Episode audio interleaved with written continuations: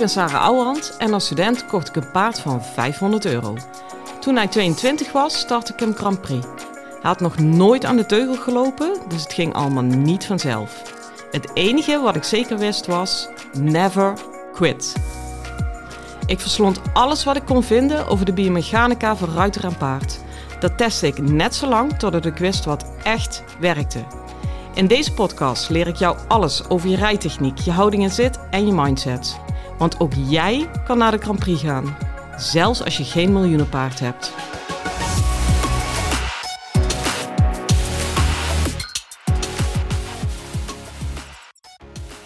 Hey lieve paardenmensen. Nou jongens, ik kan je één ding vertellen. Wat ben ik blij dat ik weer aan het werk ben. Echt, uh, nou ben ik normaal altijd wel blij als ik weer tussen de paarden kan duiken. Maar uh, vandaag extra, ik had namelijk gisteren een kinderfeestje van mijn eigen kind. Dat was wel even... Halleluja zeg. Echt, ik...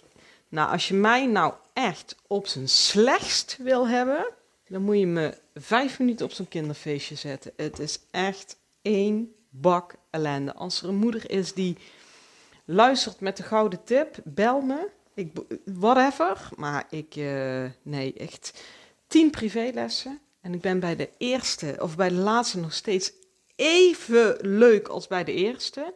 Twaalf privélessen draai ik mijn hand ook niet voor om. Echt na tien minuten op dat feestje, man, man, man, wat een hysterisch gedoe. Niemand kijkt echt naar de cadeautjes. Ze zijn allemaal even druk en lollig. En daarna naar die speeltuin, die binnenspeeltuin.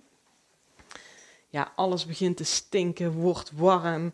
Uh, loopt alleen maar te zuipen en te vreten in totale hysterie. Nou, echt, ik, ik vind echt geen beleving. Gewoon helemaal niet. In kluis mijn eigen kind, hè. Laat ik daar even geen misverstand uh, over uh, bestaan. Goed, kortom, het zit er weer op voor dit jaar. Ik ga hier gewoon niet eens meer te lang over praten, want als ik er nu alweer over heb, word ik spontaan weer chagrijnig. Dus uh, wij gaan over naar de orde van de dag en dat is paarden. En daar hebben wij natuurlijk nooit genoeg van, hè?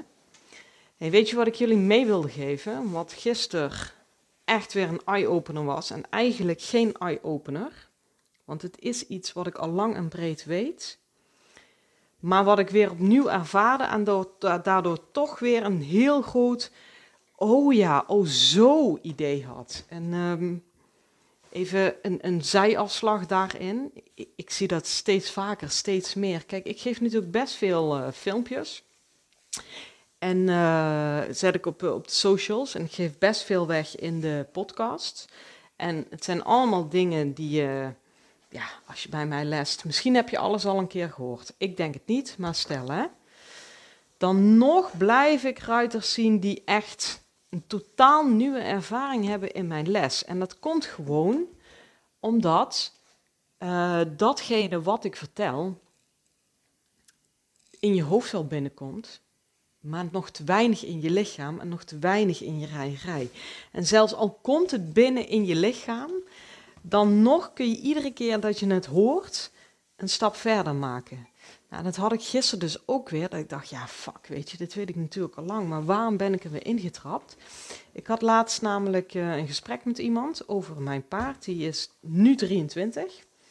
Die gaat nog als de kanonnen. Alleen die, uh, ja, weet je, wanneer stopt het? Ik, uh, over drie weken start ik een Grand Prix. Um, ja, met mijn hoofd dacht ik ook van, ja, ja, ja, leeftijd en zo. Nou, diegene was vrij uitgesproken. Luister, heel simpel, haal hem uit sport. Dit wordt hem niet. Uh, ja, gewoon kappen ermee. Klaar. Toen dacht ik, ja, ja, ja, nou, dan heb je het al. Toen dacht ik. En toen voelde ik niet meer. Want toen dacht ik, ja, natuurlijk, hij heeft ook wel een punt. Wat kan je nog meer halen dan de Grand Prix? En, uh, en, en, zijn leeftijd, weet je. Ik ben echt wel uh, heel erg zuinig op hem. En even voor de record, ik bewaak hem mega goed, hè. Hij wordt echt als een prinsje behandeld, want hij wordt altijd op hartslagmeter getraind. Dus ik hou mega goed in de gaten of hij niet overtraind raakt. Nou, ik kan je vertellen, het is nog een jonge god op hartslag.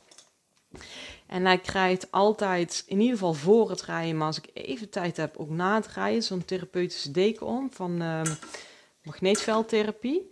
Ja, als je je paard nou een keer echt topfit wil hebben, dan moet je dat doen. Je kunt ze ook huren, dat is ideaal bij MagnaCare. Maar goed, dit even voor de beeldvorming, dat ik hem echt wel ehm, in de smiezen hou. Ja, en dan nog maakte het indruk bij me. Want ik dacht, ja, inderdaad, ik moet er ook maar eens een keer mee stoppen. Ehm, dus ik ben daar, en dat zeg ik echt achteraf gezien, ik ben daarna gaan rijden. Een beetje van, ja, nou sowieso van, oeh ja, inderdaad, hij is al 23. En ook wel van, uh, ja, ja, ja, we gaan er wel uh, mee stoppen. Waardoor, ook weer achteraf, er best veel druk kwam op die, op die proef. Als je iets hoort, ik ben tussendoor heel even mijn stomstrijkapparaat aan het gebruiken. Want uh, mijn mannetje moet vanavond knap naar een diner. Ik moest even, heel even een blouse strijken. Maar goed, anyways. Um, ik ging daarna rijden. En op de volgende wedstrijd begon best veel spanning te staan. Ik dacht, waarom lukken die series niet? En waarom loopt nou allemaal te moeilijke? Totdat ik, thank God, thank God, uh, in gesprek kwam met een stalgenote van me. En uh, eigenlijk is dat gewoon een dikke vette vriendin. En nu al helemaal. En we raakten zo in gesprek. En ik zei het ook heel luchtig en helemaal. Ja, wordt laatste ronde, afscheidsronde, bla bla bla. En zij keek me aan, zei zo: Waarom? En omdat ze het zo simpel vroeg, maar me wel aan bleef kijken, moest ik antwoord geven vanuit mijn buik. En dacht ik: Ja, eigenlijk weet ik niet waarom. Eigenlijk is het gewoon omdat iemand om me heen, die vrij dicht bij me staat en best wel een vinger in de pap heeft, en nee, het is niet mijn man, tegen me heeft gezegd: kappen.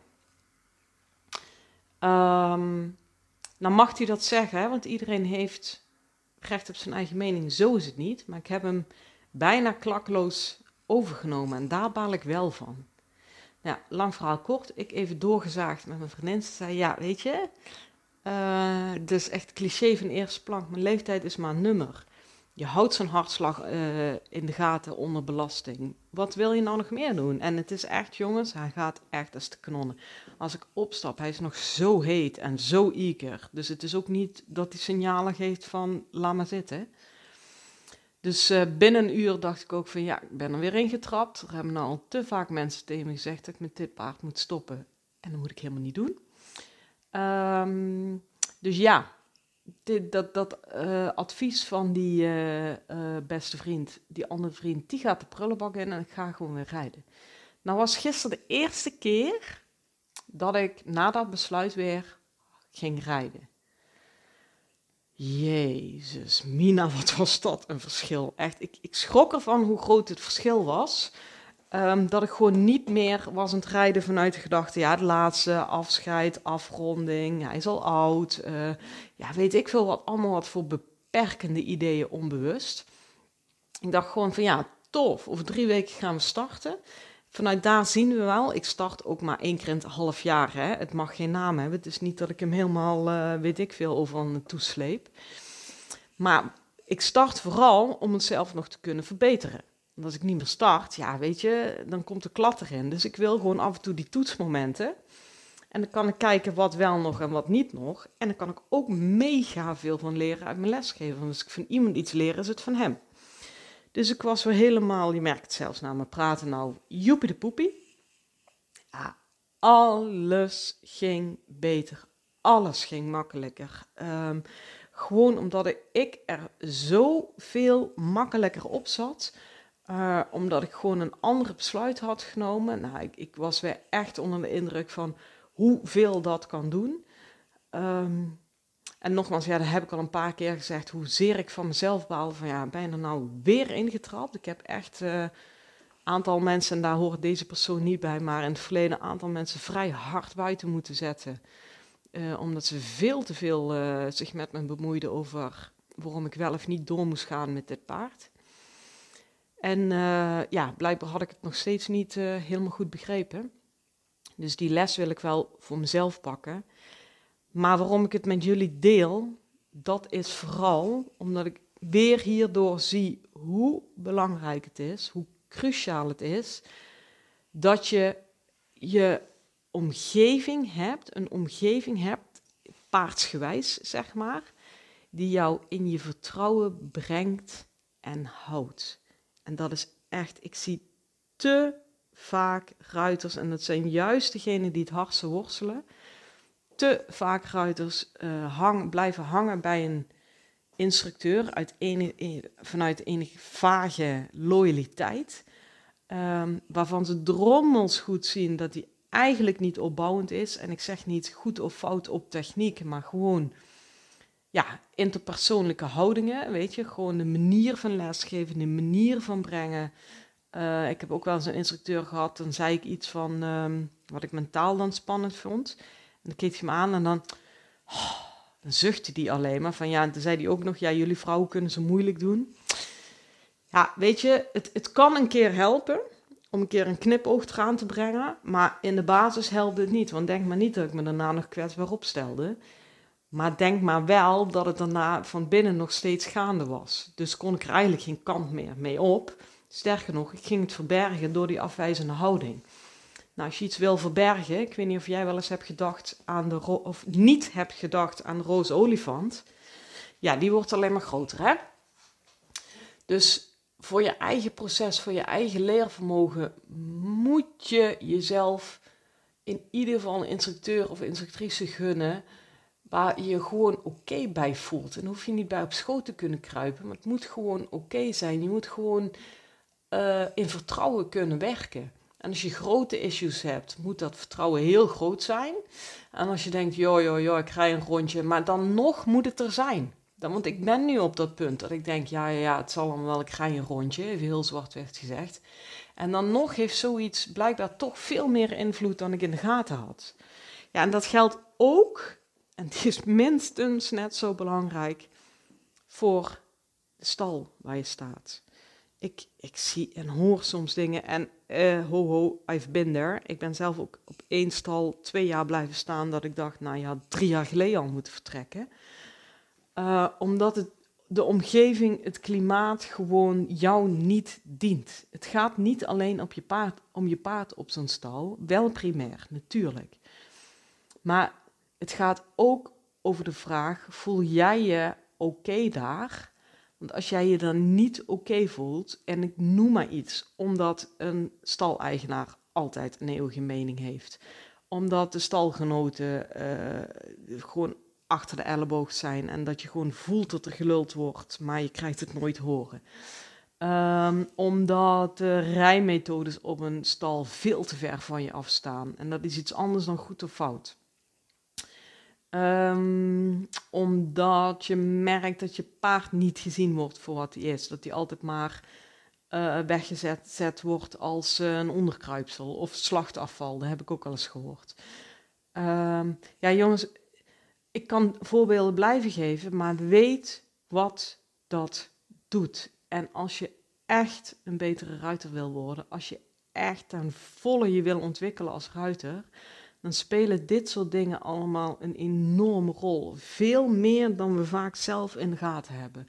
Vaak pas als je dan bij zo'n stal weg bent, dat je pas voelt, wow, ik voel nou pas hoe opgelucht ik ben. Ja, wat dacht je wat dat iedere rit, keer op keer voor jou en je paard betekent?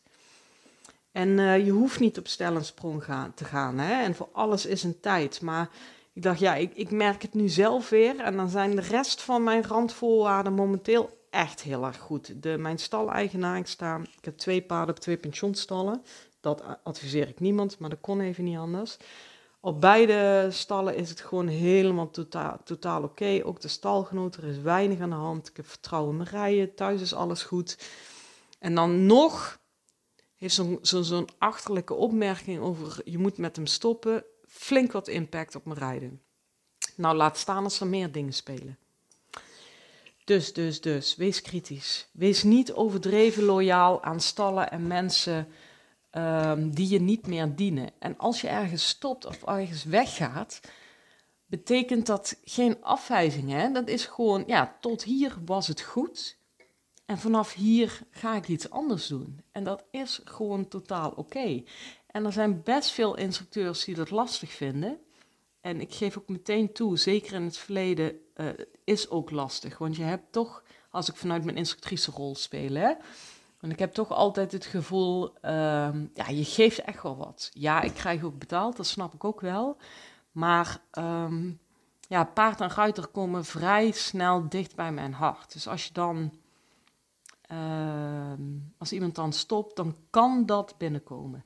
Als ik voor mij spreek, betekent, is dat eigenlijk altijd de manier waarop. Er zijn mensen die gewoon het gewoon netjes tegen me gezegd hebben. En vaak zijn dat redenen die buiten mij liggen. Jongens, altijd duizend procent oké. En als het een reden is die wel over mij gaat, is het ook duizend procent oké. Ehm, dan kan ik kijken, ja, kan ik daar iets mee? Vind ik daar iets van? Doe ik daar iets mee? Dat is aan mij. Maar dan, dan snap ik hem in ieder geval. En ehm, ja, keuzevrijheid van de ruiters is altijd een heilig huisje. Het enige waar ik niks mee kan, uh, is gewoon lompweg stoppen en niks meer laten horen. Ehm, dat heb ik ook wel eens gehad met iemand. Dan ga je niet vervelen met dat verhaal. Ja, dat is gewoon ruk. Ja, daar ben ik gewoon heel eerlijk in. Maar dat, en ik snap ook wel dat dat is omdat diegene dat veel te spannend vond. Maar ik vind het nog steeds ruk. Kan er gewoon helemaal niks mee. Um, ja, hou dat in je achterhoofd als je zelf wil schuiven. Ehm, het is altijd prettiger als je even iets van iemand hoort. Maar blijf vooral, vooral, vooral je eigen proces dienen. Echt, echt doen. Uh, en ben super secuur op uh, de mensen die je toelaat in je paardenaura, zou ik bijna willen zeggen. En die moeten jou en je paard dienen. En anders um, ik wou zeggen, moet je ze buiten flikkeren. Maar dat is een beetje heel erg uh, zoals ik dat af en toe doe. Van de andere kant, als ze super invasief is, zijn, is er ook nog maar één oplossing. Gewoon buiten flikkeren. Maar probeer dat nu in ieder geval te voorkomen door bijvoorbeeld kritisch te zijn, door die communicatie goed te hebben. En uh, ja, als je het zelf niet weet, luister naar je paard. Ik heb gisteren een rit gehad. Ik had nooit gedacht dat ik die ooit met mijn paard zou hebben echt uh, twee vingers in de neus, passage piaf en alle overgangen daartussenin. Op, op, op voltes, op vierkantjes, op alle mogelijke korte stukjes. Joh, ik, ik kon ondertussen de krant lezen. Ja, dan weet je weer waar je het voor doet. Ik hoop dat jullie dat ook gaan ervaren. Als je vandaag nog moet rijden, wens ik jou een hele fijne rit. En anders morgen veel plezier met je paard. Hoi!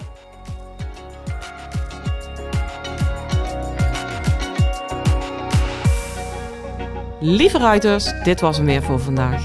Waardeer je mijn tips? Geef me sterren op Spotify en iTunes. Dat voelt voor mij als een dankjewel. En geef je paard een knuffel van me.